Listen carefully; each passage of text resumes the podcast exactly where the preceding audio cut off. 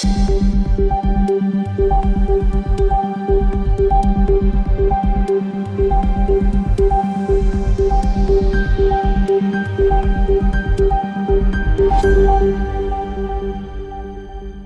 og velkommen tilbake til Krimnytt, en podkast for deg som ønsker å følge med på aktuelle true crime-saker. Og vi skal helt til Sør-Korea i dag. 23 år gamle Yong Yoo Young, en sørkoreansk true crime-fan, ble nylig dømt til livstid i fengsel for å ha drept en fremmed av ren nysgjerrighet. Yong Yoo var nærmest besatt av krim og true crime, og alt som hadde med krim å gjøre og på tester så skal hun ha skåra høyt på psykopati. Young-Yu ble etter hvert mer og mer fiksert på ideen om å selv forsøke å drepe noen, og en dag satte hun planen ut i livet. Hun brukte en app for å møte offeret sitt, en kvinnelig engelsklærer. I mai i år så troppa Young-Yu opp på lærerens dør og knivstakk henne til døde. Drapet rysta Sør-Korea, og det som var skremmende, var at noen kunne drepe av ren nysgjerrighet. Young Yu ble i retten fremstilt som en jente som var mye alene og bodde med sin bestefar. Det kom også frem at hun hadde brukt flere måneder på å lete etter det perfekte offeret. Hun var i kontakt med mer enn 50 mennesker før hun møtte den kvinnelige læreren. Det var stort sett kvinner hun hadde forsøkt å komme i kontakt med. Etter å ha oppretta kontakt med den kvinnelige engelsklæreren, avtalte de en time hvor Yong-Yu skulle komme over for å ha en engelsktime. Hun utga seg for å være mor til en high school-student som trengte litt ekstra hjelp i engelsk.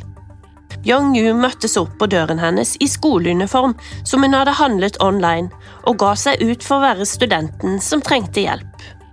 Det tok ikke lang tid etter at den 26 år gamle lærerinnen hadde sluppet henne inn før hun ble angrepet med kniv og drept. Kvinnen skal ha blitt knivstukket over 100 ganger. Flere av stikkene var påført etter lærerinnens død.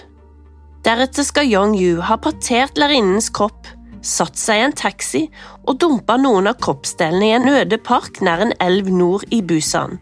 Taxisjåføren hadde derimot merket seg at passasjeren hadde en koffert med blod på, og når han observerte at kvinna dumpa denne i skogen, ringte han straks politiet. Etter arrestasjonen, da politiet gikk gjennom kvinnens datamaskin, fant de at hun hadde gjort flere søk på hvordan drepe og kvitte seg med et lik. Men ifølge politiet var det også mye hun ikke hadde tenkt på, som eksempel hvordan unngå overvåkningskamera som hadde fanget Yong-Yu, som gikk inn og ut flere ganger av lærerinnens leilighet. Da Yu ble dømt til livstid i fengsel, uttalte dommeren at drapet hadde spredt frykt i lokalsamfunnet over at noen kunne bli et offer helt uten grunn, kun fordi noen var nysgjerrig på hvordan det ville være å drepe. Dommeren uttrykte sterkt forakt for kvinnens handlinger. Young-Yu innrømmet drapet etter arrestasjonen og ba om en mildere straff, for hun mente hun hadde hatt hallusinasjoner og ikke var beregnelig i gjerningsøyeblikket. Hun ble ikke trodd i retten på dette, og retten la til grunn at hun hadde planlagt nøye dette drapet i flere måneder. Før Yong-Yu kom med denne tilståelsen, hadde hun først hevda at kvinnen var allerede drept da hun ankom huset hennes, og at noen andre måtte ha drept henne. Da hun ikke ble trodd på dette heller, så hevda hun at drapet skjedde som følge av en krangel. Før hun til slutt innrømma å ha drept henne av ren nysgjerrighet etter å ha sett for mange true crime-show på TV. Selv om Sør-Korea har dødsstraff, ble kvinnen dømt til livstid i fengsel. Sør-Korea har dødsstraff, men de har ennå ikke utført noen hendelser siden 1997. Så skal vi til litt oppdateringer. Det er vanskelig å glemme saken der eh, Taylor Shabusiness drepte og kappa av kjæresten sin eh, edle deler. Nå har hun vært i retten og blitt dømt og funnet skyldig for forsettlig drap, seksuelt overgrep og mishandling av et lik. Det var i februar i 2022 da 25 år gamle Taylor Shabisnes drepte kjæresten sin Shad Tyrone inne i hans hjem. Hun mente selv at det var en sexlek, og ved påvirkning av noen sterke midler så gikk det helt galt. Shah Business ble også kjent for å angripe sin egen advokat i retten, og hun hadde nå en ny advokat, men hun ble domfelt likevel. Ganske brutal sak, dette her, så den kan dere jo gå tilbake på Krimnytt og så lytte til. Så er det en oppdatering i Alec Baldwin-saken. Han fikk jo en litt annen hovedrolle der enn han ønska. Han produserte og var skuespiller i filmen Rust. Men under innspillingen av denne filmen Rust så ble Helena Hutchins rett og slett drept. Og det var Alec Baldwin sjøl som skøyt, eller det vil si han mente at våpenet var gikk av. Og hvem er det som har skylda? Er det de som skulle sikre våpenet og var ansvarlig for det under filmingen, eller er det Alec Baldwin? Nå samles det bevis mot Hannah Reed, som var eh, våpenansvarlig, og Alec Baldwin. Og dette blir et sivilt søksmål, der rettssaken starter februar i 2024. Og Hanna hun hevder seg uskyldig i uaktsomt drap og for å forspille bevis. Og det samme gjelder for Alec Baldwin. Blant bevisene som de ønsker å legge frem for juryen, finnes det dokumenter, lydbånd og video. Det skal finnes flere filmklipp som ikke er offentliggjort av Baldwin på settet til filmen Røst, som ble filma rett før den fatale skytingen. Videoen skal vise Baldwin som avfyrer et våpen i eh, filmen, samtidig som han uttrykker bekymring for sikkerheten. I klippet skal han si følgende Kan du gå på andre siden av kameraet, jeg har ikke lyst å skyte mot deg.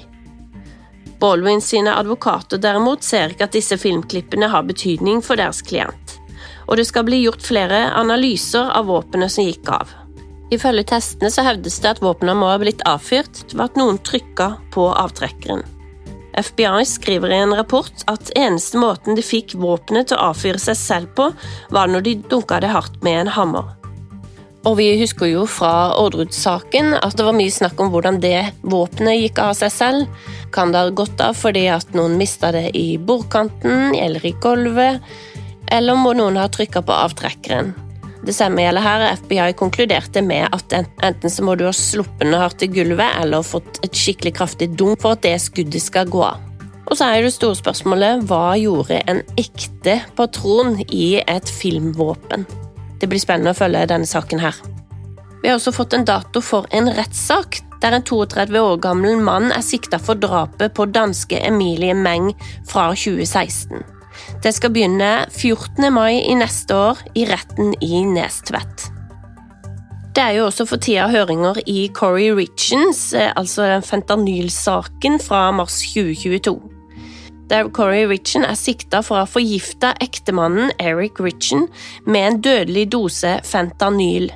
Hun hadde da miksa den oppi en drink som kalles Moscow Mule, en litt sterk drink.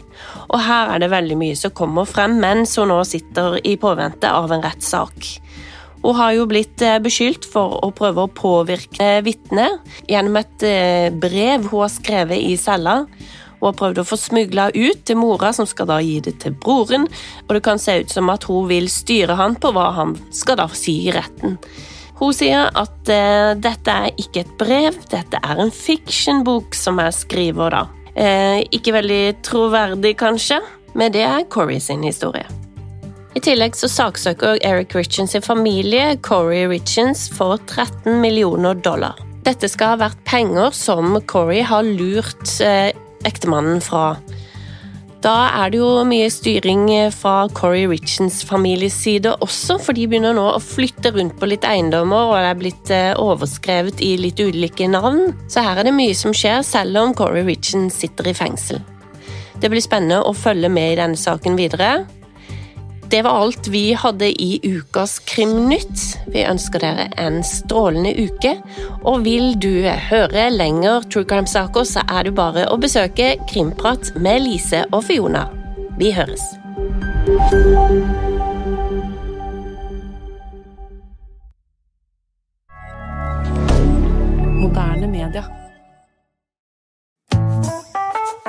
Har du et enkeltpersonforetak eller en liten bedrift? Da er du sikkert lei av å høre meg snakke om hvor enkelt det er å sende faktura med fiken. Så vi gir oss her, fordi vi liker enkelt. Fiken superenkelt regnskap. Prøv gratis på fiken.no.